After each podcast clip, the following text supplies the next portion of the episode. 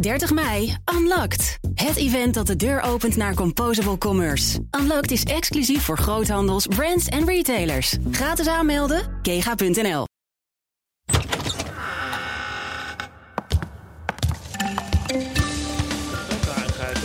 uh, om eens even iets te vertellen over uh, waar, wat voor, Rutte is nu in Brussel. Hmm. Wat, wat, is voor hem nou belangrijker? Die debatten in Den Haag of die discussies uh, in Brussel? Waar gaat meer zijn hart naar uit? Dat is misschien ook wel leuk, om, jij bent hier nu toch als Europa-verslaggever. Ja, nee, de, de grootste draai van Rutte is natuurlijk hoe die over Europa is gaan denken. Dan denk ik dat de opname officieel gestart is. Dat dit Nieuwsroom Den Haag is van vrijdag de 16e oktober. En je hoorde al niet de stem van Sofie van Leeuwen, maar wel van Jesse Pinster. Die ja. uh, deze week even invalt. En Laurens Boven. Ik ben er ook. Nou, dan ben ik toch Mark Beekhuis. Laten we van start. Dat was een goede vraag. Waar ligt het hart van Rutte meer? In Brussel? In Den Haag? Ik denk dat hij steeds meer plezier heeft gekregen over de jaren in, uh, in Brussel. Weet je, hij is, iemand die, die invloed heeft daar. Als je hem ziet aankomen, dan is het met heel veel energie. Is het, is een man met veel energie volgens mij. Dat, dat zal Laurens in Den Haag ook zien. Maar hij heeft er altijd wel zin in. Weet je, en, uh, is een van de weinigen die nu ook in deze coronatijd uitgebreid de tijd neemt om met de pers te praten. Of dat nou midden in de nacht is of uh, aan het begin. En de rest van de regeringsleiders die zeggen nog iets als ze aankomen. Dat is een statement. En Rutte die zorgt dat hij zichtbaar is. Dat hij dus ook van buitenaf het debat probeert te beïnvloeden. Dus hij heeft daar plezier in. Hij is, hij is zelfs op het punt gekomen nu dat hij het Europees parlement ziet staan... en probeert in te zetten om zijn zin te krijgen af en toe. Dat vind ik fascinerend. Dat parlement negeerde die uh, toen hij net premier was. Ja. Is, is, dat een draai, uh, Laurens? Nou, het is denk ik een uh, gaandeweg leren. En dus zien, hè. Kijk, politici, wereldwijd geldt dat natuurlijk. Hè, die hebben altijd je macht op basis van de lokale politiek. All politics is local. Mm -hmm. En al die Europese leiders hebben natuurlijk hun uh, lokale verkiezingen gewonnen en zijn zo leider geworden van hun land. En op een bepaald moment komen ze dan met z'n allen samen. Dus zeg maar aan het begin van hun carrière hebben ze natuurlijk nauwelijks zicht op dat hele grote Brusselse spel, want dat zijn alleen de premiers. En uh, dan ben je op een bepaald moment premier en dan maak je daar kennis mee. En dan, dan, hoe langer je dat dan doet, hè, dan, dan ga je dus dat spel beheersen. Dan ga je dat dus zien. Dan ga je zien dat daar heel veel macht zit. En het interessante is, weet je, hij is dit jaar tien jaar premier. Hè? Sorry, deze week. Ja, woensdag. deze week zo. En uh, ik heb in de uitzending uh, woensdag ook verteld dat uh, ik uh, mij, mij nog goed herinner hoe ik hem voor het eerst heb ontmoet. toen was ik correspondent in Duitsland, tien jaar terug. En hij kwam toen voor het eerst naar Berlijn. De Nederlandse premiers gaan altijd eerst naar België en dan naar Duitsland als zijn eerste bezoeken. Nou, en er was in Duitsland op dat moment toch best wel wat terughoudendheid. Want hij zat toen in een coalitie met de PVV. En, en daar was toch best wel wat van, wat krijgen we hier eigenlijk binnen? En Balkenende, de voorganger van Rutte, was natuurlijk echt een, een Europese politicus, kind aan huis in Duitsland. Goed bevriend. Christendemocraat. Goed bevriend met Merkel. Sprak vloeiend Duits.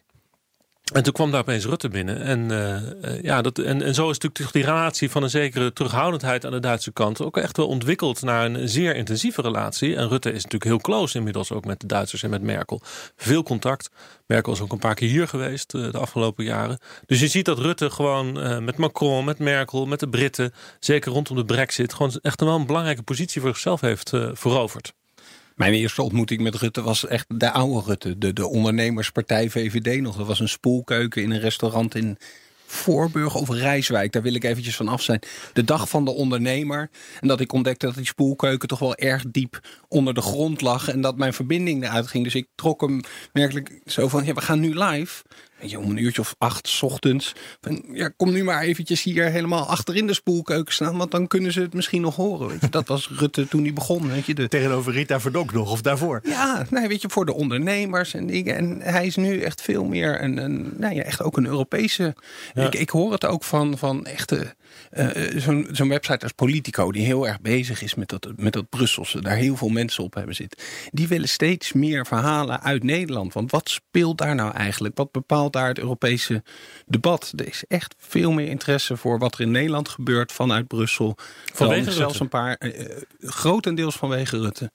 Dus hij heeft macht in Brussel en daarmee wordt het relevant. Wat er in Den Haag gebeurt. Wat er in Den Haag gebeurt om te kijken hoeveel manoeuvreerruimte Rutte heeft, omdat dat iets Ja. zegt over de compromissen die er in Brussel uitkomen. Ze willen weten wat eh, iemand als Pieter Omtzigt drijft. Waarom denkt hij ehm, zo over Brussel als hij denkt? En wat denkt hij eigenlijk precies? Wat vindt hij van de Europese Centrale Bank, waar je hem vaak over, over hoort? Mhm. Weet je, dat is, Omtzigt is ook zo iemand die heel erg op het, op het Europese bezig is met Malta. Ja. En- Het is sowieso hè, dat de ministers met name ehm, behoorlijk veel contact hebben met hun Europese collega's. Eh, ook zo'n man als Hoekstra of, of de andere ministers buitenlandse zaken, natuurlijk justitie zelfs. Nee, die hebben heel veel contact onderling Die met elkaar. elke dag wel van een paar keer. Nou ja, dat, of het zo vaak is, weet ik niet. Maar ehm, je kan wel denken dat ze meer contact hebben met elkaar dan met hun eigen parlementen.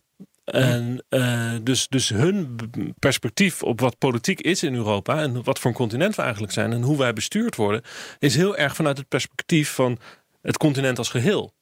En eh, dat gaat denk ik zelfs zo ver dat, ze in, dat je in sommige opzichten het lokale debat, wat zij dus voeren in de Tweede Kamer, dat dat voor hun overkomt als een, een, een sideshow.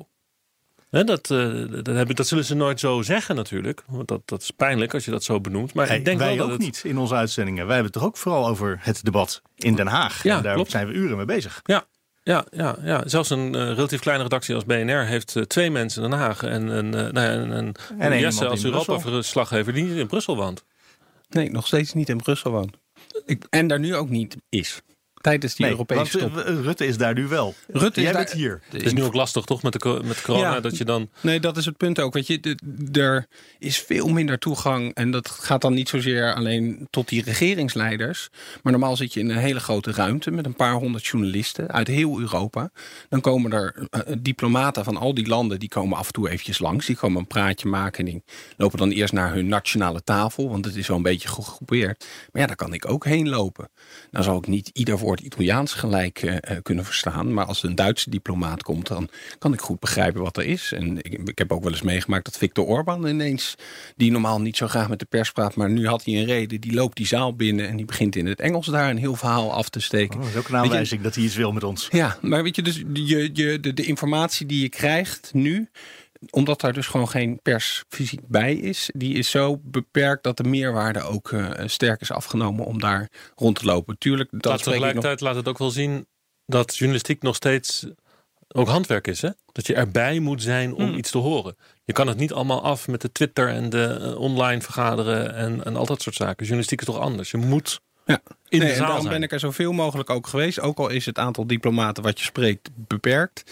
Het voegt altijd iets toe. En je kan altijd, je komt meer te, te weten. Je Ik heb het een paar keer gedaan. Ik heb wel eens ingevallen eh, voor jou of, eh of je voorgangers. Een maand voordat ik deze functie kreeg, toen zijn wij samen naar Ja, Brussel klopt. Want gegaan ik moest in dan invallen voor je voorganger, inderdaad. En ik moest jou toen inwerken. Het was heel Toen ben ik grappig. Brussel. meegelopen. Ja. Maar, dat, nee, maar wat ik daar altijd zo ontzettend leuk vind, is dat je dan dus in die grote zaal met al die andere journalisten uit al die landen zit. En dat je gewoon eens een beetje ook gewoon voor jezelf. Hmm. Zo van hoe, hoe, hoe kijken jullie in Italië nou tegen ons aan? Hè?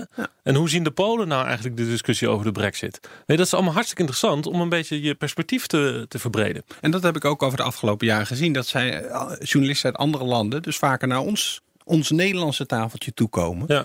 Want die willen weten wat er. eh, of die nou echt die biografie van Chopin zit te lezen. Of wat bedoelde die nou eigenlijk daarmee? En heb je het, het fragmentje, heb je dat Ja. fragmentje nog eventjes voor me? Oh, echt? Dat ze dat geluid even komen lenen. Maar dan ben ik toch nieuwsgierig. Want dit is dus iets wat de politici zou ervaren. Wat jullie zou ervaren als je daar rondloopt. Nu even niet, maar normaal wel. Waarom hoor ik dat in de Nederlandse journalistiek niet terug? Dat we eigenlijk in Europa wonen. Ik, ik doe mijn best om dat eh, iedere keer eh, te vertellen. Dat is waar, maar uiteindelijk wordt het toch altijd weer vertaald naar eh, wat vindt Nederland? Dan hoor je een quoteje van de premier. Het is geen aanval hoor, maar je mag je wel verdedigen.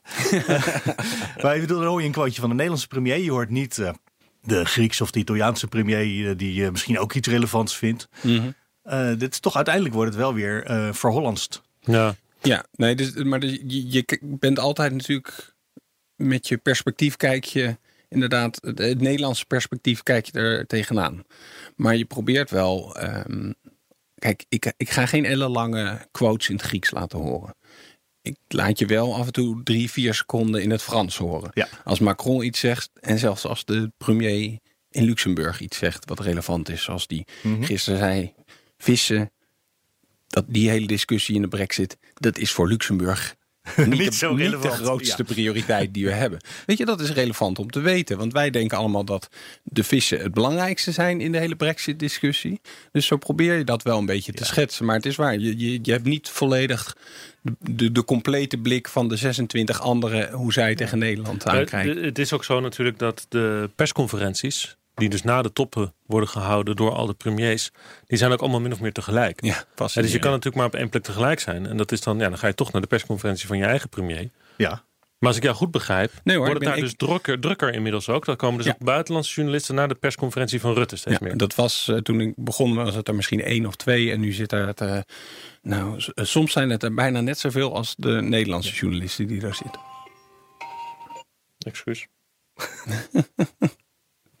Maar dat is inderdaad, het- is lastig. Je moet keuzes maken op dat moment waar je heen gaat. Je kan Maar het vaak, va- vaak dingen wel terugzien. Maar het is heel interessant om dan. Ik ben heel vaak bij Theresa May gaan zitten.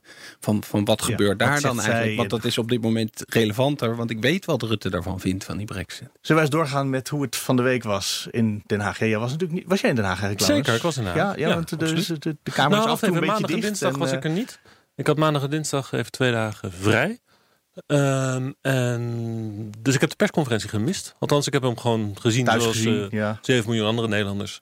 ja, 7 Wie, eh, miljoen, dat was weer veel, hè? Het was weer veel. Ja, En terecht. En daar ontstaat dan vast ook weer discussie over met de koning. Of dat wel kan. dat was jouw vraag uit een persconferentie, herinner ik me toch? Of daar een soort dat ook in rivaliteit ons, ontstaat? eh, in ons boek. Dat was een grapje uit ons boek. Stilte op het Binnenhof. Het ligt nog steeds te koop. Goed boekje Ehm, hoor. We zien nu natuurlijk, we zijn nu echt in die tweede golf. En eh, wat natuurlijk fascinerend is, is dat dus eh, er ook wel, als je daarna hebt over de eerste en de tweede golf, en je ziet graag gewoon echt overeenkomsten in ehm, eh, fouten die gemaakt worden, Mhm. strategieën die ontwikkeld worden, plannen die gemaakt worden, aannames die gedaan worden over hoe het virus zich gedraagt. En vervolgens dus hoe dat binnen een paar dagen in elkaar dondert. Al die aannames. Dat zagen we in de ontwikkeling van de eerste golf. Dat de strategie van het indammen gewoon eigenlijk alweer eh achterhaald was op het moment dat die werd geactiveerd. We hebben natuurlijk nu van één maatregel vier versies gehad in vier dagen. Daarom. de Dus mondkapjes. het eh, mondkapjes, eh, de, de regionale aanpak die meteen eh, mislukte. En eh, nou ja, dat leidde dus tot een debat eh, afgelopen woensdag in de Tweede Kamer. Wat echt eh, ja, in die felheid ik nog niet gezien heb. Nergens in Europa en vrijwel nergens in de wereld stijgt het aantal besmettingen zo hard als in Nederland. Hoe kan dat? Hoe kon dat gebeuren? Het lijkt een beetje of Nederland toch het meest lakse jongetje van de klas wordt langzamerhand in Europa. Het is ons eh, niet gelukt. Het virus heeft te veel ruimte gekregen. En daarom is er nu meer nodig. Meer maatregelen, strikter, dwingender, harder. En dat doet pijn. Het voorkomen van een tweede golf. We zitten er middenin. Zicht houden op het virus. We varen weer in de mist, want er is geen bron- en contactonderzoek. Het ontzien van de reguliere zorg. Mensen krijgen weer telefoontjes dat de operatie wordt uitgesteld. Het beschermen van de kwetsbaren. In meer dan 300 verpleeghuizen zijn weer besmettingen geconstateerd. En waar de Tweede Kamer ook echt goed zijn rol speelde, vond ik. Omdat het niet ging over eh, de, de, de, maatregelen aan detail eh, mee willen besturen en mee willen beslissen. Er kwam wel langs natuurlijk over wel of geen softdrugsverbod, dat soort zaken. Maar het hoofddeel van het debat ging natuurlijk over de vraag... heeft Rutte gefaald? Heeft het kabinet gefaald? Dat was in, in die seriositeit en zo kamerbreed ook... dat zelfs bij de coalitiepartijen de irritatie toeneemt. Bij D66, bij eh, de ChristenUnie. Dat is opvallend. En eh, daarom dus ook dat Rutte uiteindelijk eh, ja, gewoon een aantal fouten moest erkennen. En dus gewoon even zegt, alles wat ik gedaan heb, hè, de eigen verantwoordelijkheid. Dat ik daar zo op heb ingezet. Ja, dat was misschien toch iets te veel van het goede. Ik denk uh, dat als ik nu terugkijk op die afgelopen weken, uh, dat ik in mijn communicatie simpelweg te veel nadruk heb gelegd op die eigen verantwoordelijkheid. Dat betekent niet dat we niet maatregelen namen en handhaving hadden. Maar in de communicatie uh, denk ik dat de les die je kunt trekken, in ieder geval die ik trek, is dat die nadruk op de eigen verantwoordelijkheid te zwaar is geweest. en dat het belangrijk is om ook voldoende aandacht te hebben voor de verplichtingen, voor boetes, maar ook voor de maatregelen zelf. Maar hij ging niet zo ver als de Kamer van hem vroeg. Hè? Uh, de Kamer wilde eigenlijk dat hij nog wat ruimhartiger zei. Dat niet alleen het uh, te, de, te weinig was, maar ook te laat. En zei hij, ja nee, maar het was wel te weinig, maar het was niet te laat. Dat is natuurlijk... Ja, dat is dat een. Soort, uh, en dat is er voorgenomen, daar ga ik niet op toegeven. Dat is dus een. Ja, precies. Dat, kijk, zo is dan Rutte ook. Hij in, zegt dan, hè, hij identificeert een, een bepaald deel van het probleem. Daarop zegt hij, erkent hij een fout. Maar dat zou hem dan te ver zijn gegaan. Als hij dus had toegegeven dat hij te laat was geweest. En daar kan je natuurlijk over discussiëren, want dat is natuurlijk een beetje semantisch. Want je kan zeggen, ik, ik was op tijd, maar de maatregelen waren te licht. Ja, dan kan je ook zeggen, de zware maatregelen waren dus te laat. Maar zo wil hij het dus niet uh, zeggen. Uh, Lodewijk Asscher die, die zaagt hem daar flink op door. Maar dat, dat gaat hem dan te ver. Want dat zou dus eigenlijk zeggen... dan zou hij zelf dus erkennen... dat hij als kabinet heeft gefaald. Ja, dat uh, zei hij ook wel, maar hij zei het niet zo hard. Hij heeft in een eerdere persconferentie ook wel eens een keer gezegd... het probleem is niet de strategie, het probleem is het virus. Je wil zo min mogelijk discussies over die maatregelen. Het moet gaan over bestrijden van het virus. Wat je wil voorkomen is dat bij op 1 en bij Jinek allemaal mensen zitten die de maatregelen allemaal gaan zitten bespreken. Ik wil het liefst dat er mensen zouden zitten. Ik ga er niet over, maar dat zou je willen. Die zeggen het gaat niet goed met het virus. Ik heb het begin van het debat gezien. En dan had het eerst Geert Wilders los. Mm -hmm. En een heel groot stuk van het debat ging over de vraag of Geert Wilders wel of niet een racist is. Ja. Waarom gaat heel de Kamer tijdens een debat over de aanpak van het coronavirus. Wat volgens mij echt een grote crisis is. Racisme is een belangrijk onderwerp. En de vraag of Geert Wilders dat is, nou die is trouwens al twee keer bij de rechter geweest. Dus uh, dat is ook een belangrijk thema. Maar tijdens dit debat, waarom doen ze het? Waarom, nee, omdat je waarom het gunnen niet, ze hem dat? Omdat ze het niet onweersproken willen laten. Nee, omdat ze het, uh, uh, hij zei het belangrijk vinden om Wilders daar verantwoording voor te laten afleggen over die woorden. Kijk, de Kamerleden heeft, hebben wel vaker kritiek gekregen over dat ze te veel laten passeren. Mm -hmm. Van uh, wat Baudet en wat, uh, wat Wilders soms uh, zeggen. Um, bijvoorbeeld dat nepparlement, waar Wilders het ooit een keer over had. De Tweede Kamer is een nepparlement. Daar ontstond eigenlijk tijdens het debat vrij weinig debat over. En ik denk dat dat meespeelt bij dit soort momenten. Dat ze zoiets hebben van we moeten dat af en toe ook wel blijven benoemen.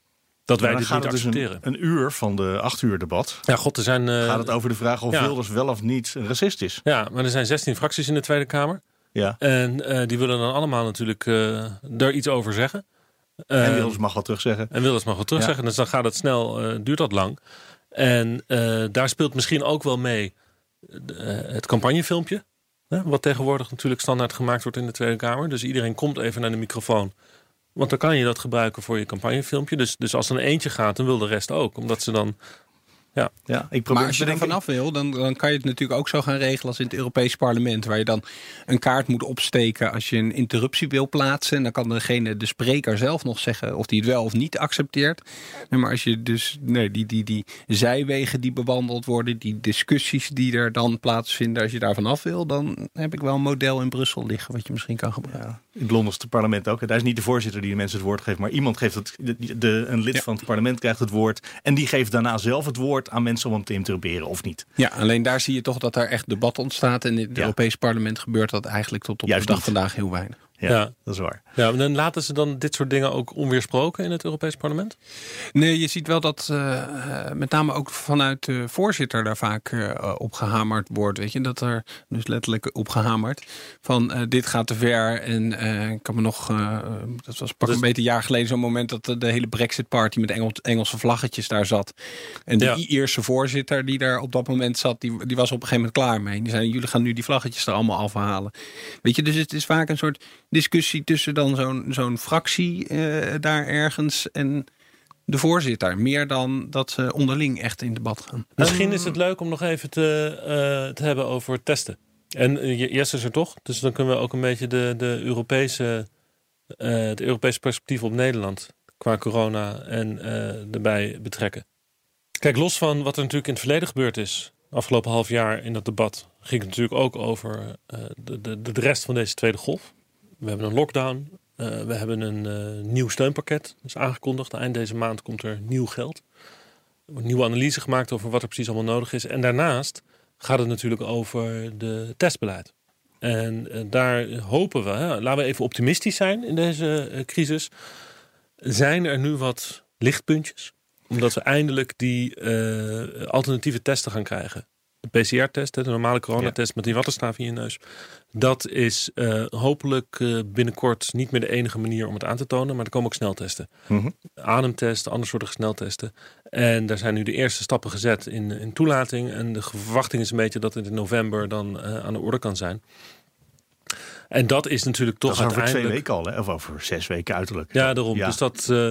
Um, en dat is toch uiteindelijk natuurlijk de grote eh, het grote probleem met deze, deze crisis. Daar zullen de meeste rapporten over gaan. Over hoe het toch mogelijk is dat Nederland niet in staat is grootschalig te testen. Op de mate die nodig Ja, is. die we zouden willen. Ja.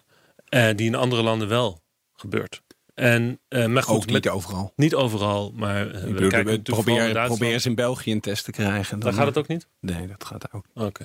Hoe het ook zij, die komen nu die sneltesten. En dan is toch echt de hoop dat we met die sneltesten een, een, naar een soort. Hè, dat, dat, die, dat nieuwe normaal dan ook daadwerkelijk kunnen gaan creëren. Dat het weer een soort normaal kan worden. Dat je gewoon eh, je ziek voelt, je kan, kan een test laten doen, ben je negatief, kan je gewoon aan het werk. Of naar buiten. Ja, dat soort dingen. Kijk, net vanochtend horen we dat Duitsland eh, Nederland op de lijst heeft gezet van eh, negatief reisadvies. Ja. Dat is natuurlijk toch eh, heel pijnlijk, want dat was in de eerste coronaperiode niet gebeurd.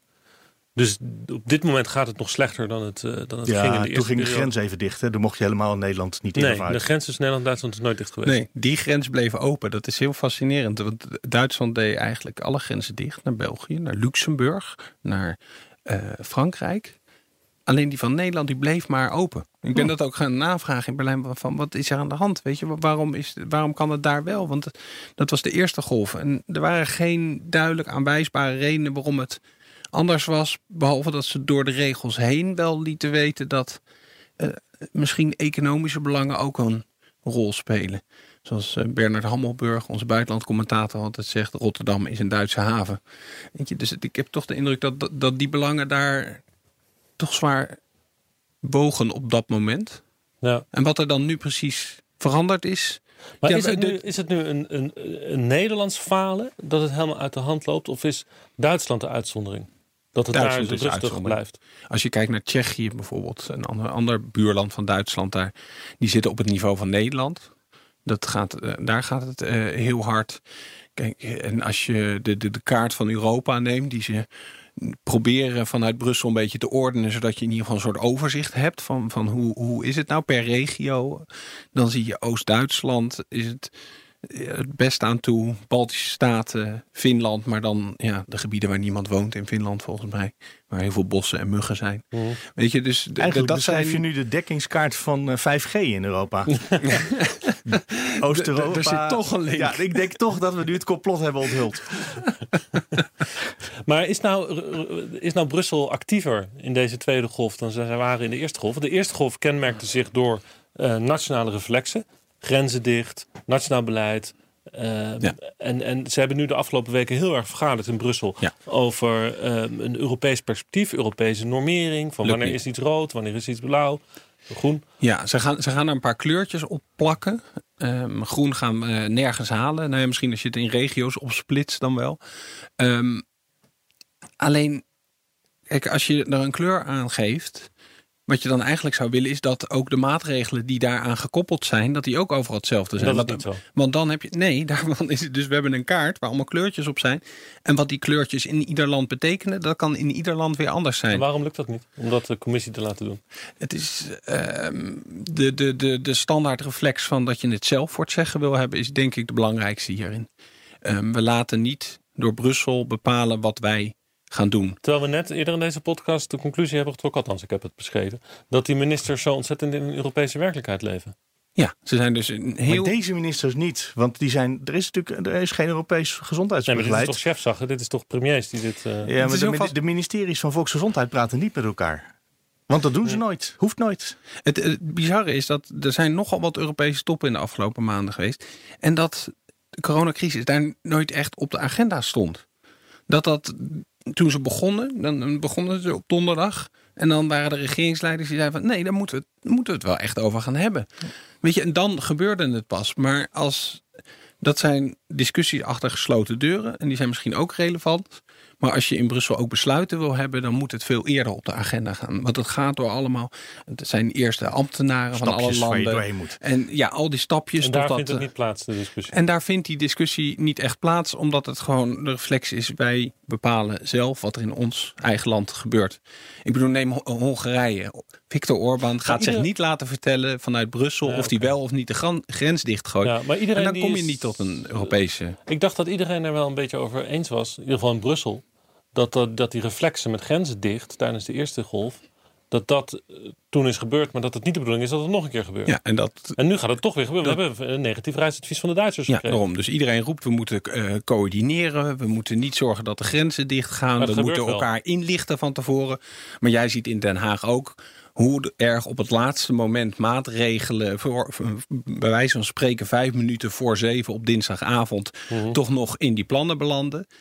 Ja, dan hebben ze Duitsland nog niet ingelicht. Dan hebben ze België nog niet ingelicht.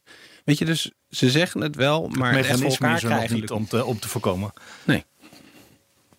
Jongen, zullen wij naar het, eh, het- de onrust van gisteren gaan? Eh, dat, Welke onrust? Nou, er was een heleboel onrust gisteren inderdaad. Nou, je zegt dit nieuws. Maar ik bedoelde de, die in de Haagse wandelgangen. Of eigenlijk net daarbuiten bij het plein en rond het Kamergebouw. Nou, gisteren was het rustig op het plein. Waren er gisteren geen Gisteren waren er demonstraties? geen demonstraties. Zou het Nee. meteen geholpen hebben? Er waren die- wel gisteren wat mensen die dus allemaal leuzen op de straat hebben gekalkt op het plein. Maar nee, de demonstraties die waren er begin deze week eh, tijdens de coronadebat. Woensdag en ook op eh, dinsdag. Dinsdag, ja, dinsdag ben ik er doorheen gefietst. eh. Ja. Slalommend. ja dat beetje was ook vrij ja. groot geloof ik. Hè? Want er zijn, hebben ze ook de politie het plein ook afgezet en zijn er mensen gearresteerd. Ik kwam ze tegen inderdaad eh, ergens bij het, eh, het, het, het korte verhoud en het lange verhoud... waar die eh, elkaar kruisen. Dus we waren toen druk bezig om iedereen weg te Ja, krijgen. het is al vrij lang uh, zit er een bepaalde demonstratiescene rondom het Binnenhof. Ja, het begon met de gele hesjes. Uh, toen uh, de boeren. Uh, er waar ook een, een, groep zat die best bedreigend was rondom het Binnenhof. En uh, nu dus de COVID-demonstranten. En nou ja, een van de dingen die je dus ziet is dat er dus, dus uh, ja, politici worden belaagd. Uh, achterna gezeten, uitgescholden.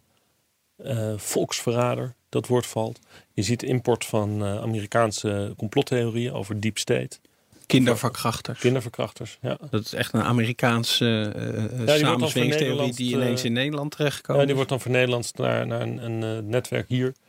Um, en dus, uh, ja, je ziet ook meer persoonsbeveiliging op straat. Bij Kamerleden waar een beveiliger mee loopt. Ja, Mark Rutte. Die, uh, kijk, iedereen loopt natuurlijk... In, dat, en Mark Rutte zie je altijd op de fiets. Dan zie je nooit iemand daarnaast fietsen. Nou, ik heb hem een keer rondom die boerendemonstraties... Had, zag, viel mij op dat hij... Uh, dat er min of meer onopvallend uh, twee klerenkasten met hem meeliepen. Toch. En weet je, dat, dat, dat is jammer. Zeg ik toch ook al even als journalist. Ik observeer natuurlijk vooral, maar ik vind dit ook echt jammer. Het heeft ook inhoudelijke gevolgen. Want de Nederlandse politiek is natuurlijk gekenmerkt door een extreme openheid ja.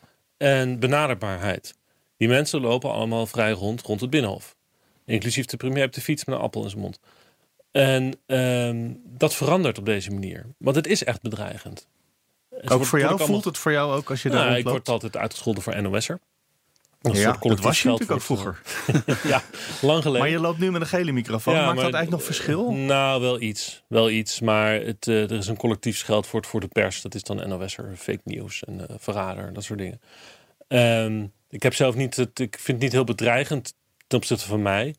Uh, maar wel vervelend. Het is wel vervelend. En het is, uh, kijk, het is natuurlijk voor die politici, dat vind ik interessant om te horen. Als je die mensen er gewoon over hoort spreken.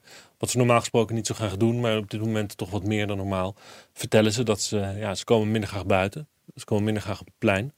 Uh, terwijl het plein toch ook een rol heeft. Ja. Die terrasjes daar, dat is ook er gewoon... wordt heel veel koffie gedronken. Heel veel koffie gedronken. Nou, daar komen ze allemaal minder graag. Ze gaan andere uitgangen in. Ze zijn dus minder benaderbaar. Ze praten minder graag op straat mensen.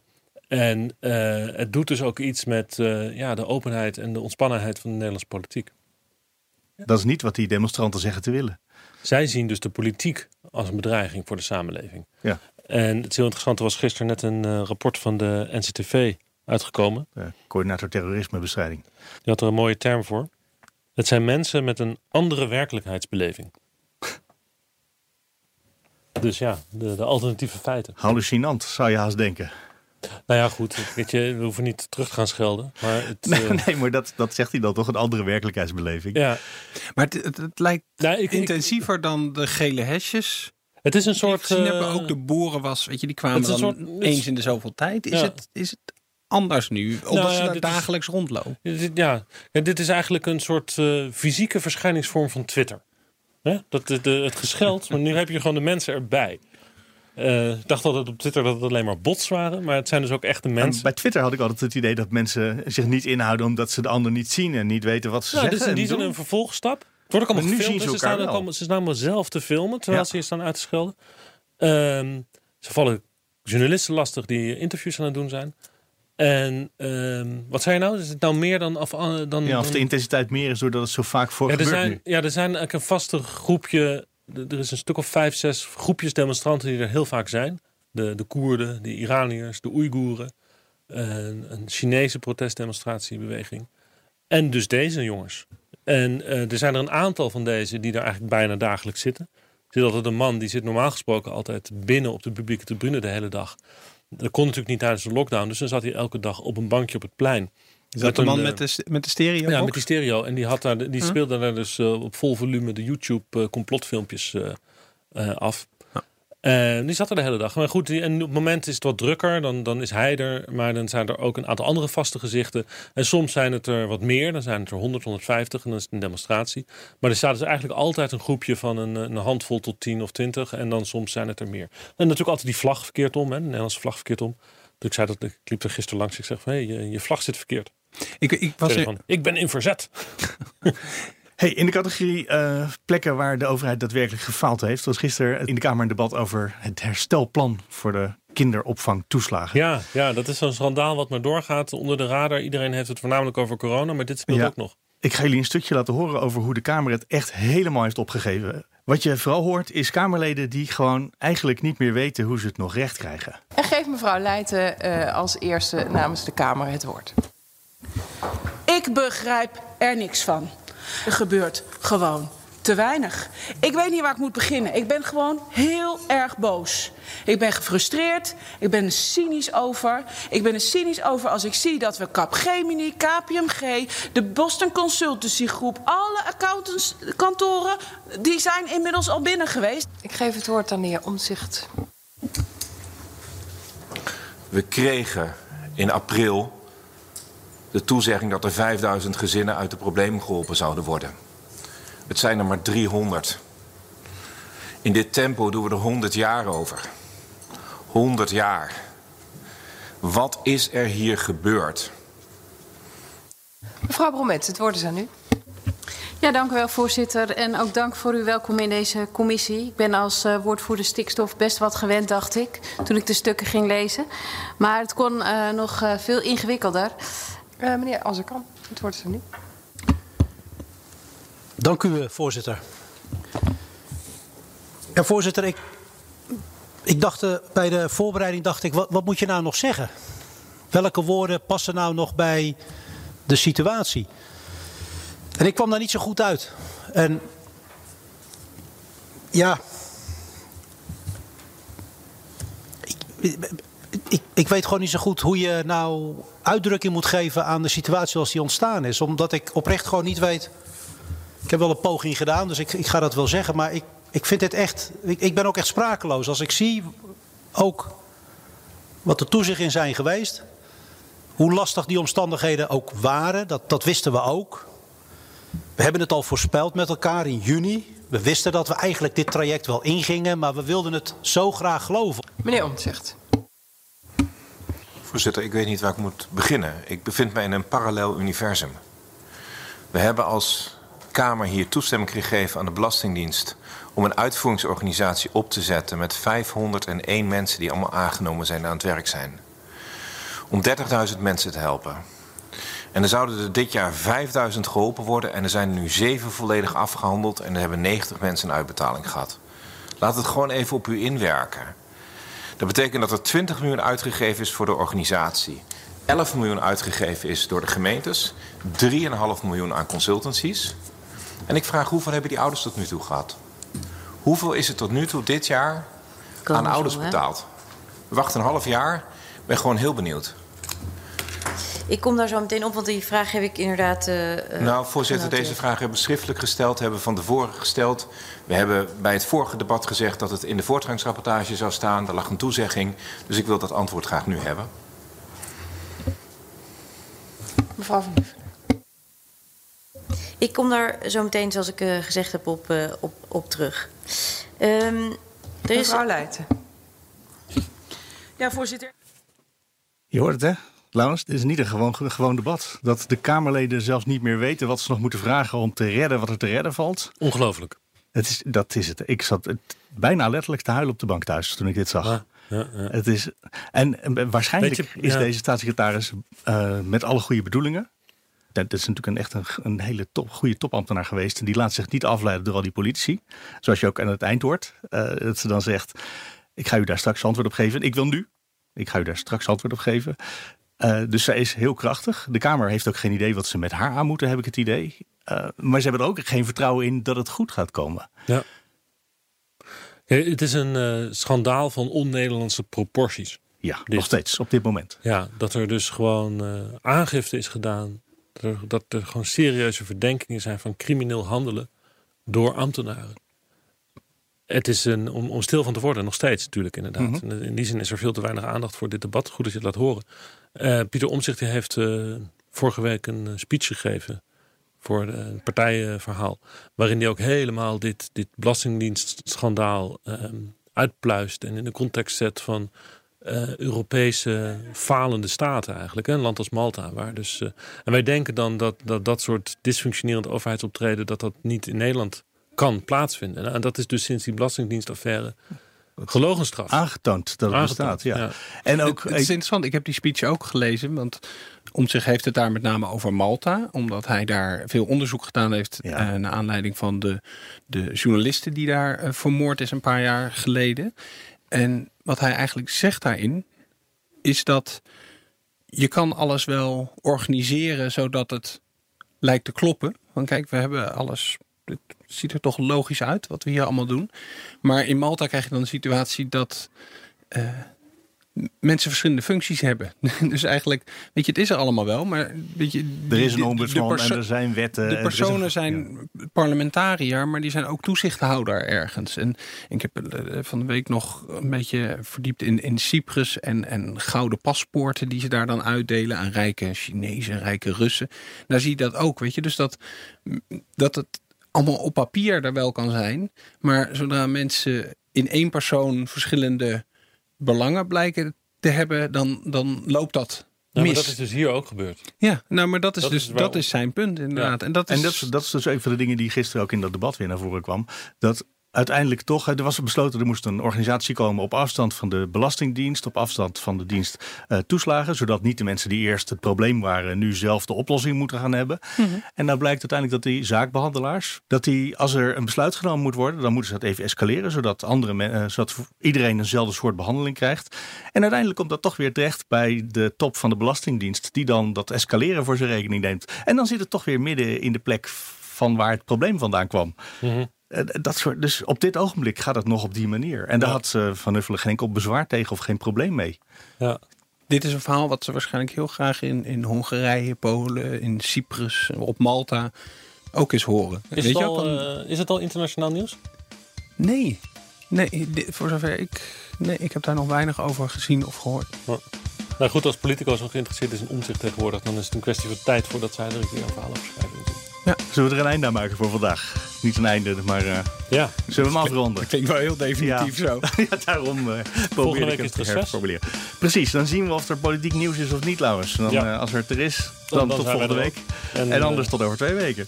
Zeker. Tot nu En toe hebben ze alle recessen onderbroken voor eh, corona. Sinds deze eh, sinds het begonnen hè, in februari. Dus wie weet. Dankjewel dat je er was, Jesse.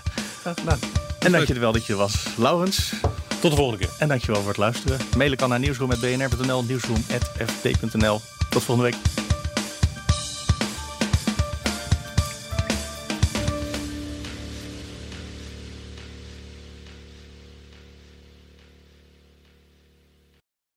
30 mei, Unlocked. Het event dat de deur opent naar Composable Commerce. Unlocked is exclusief voor groothandels, brands en retailers. Gratis aanmelden, kega.nl.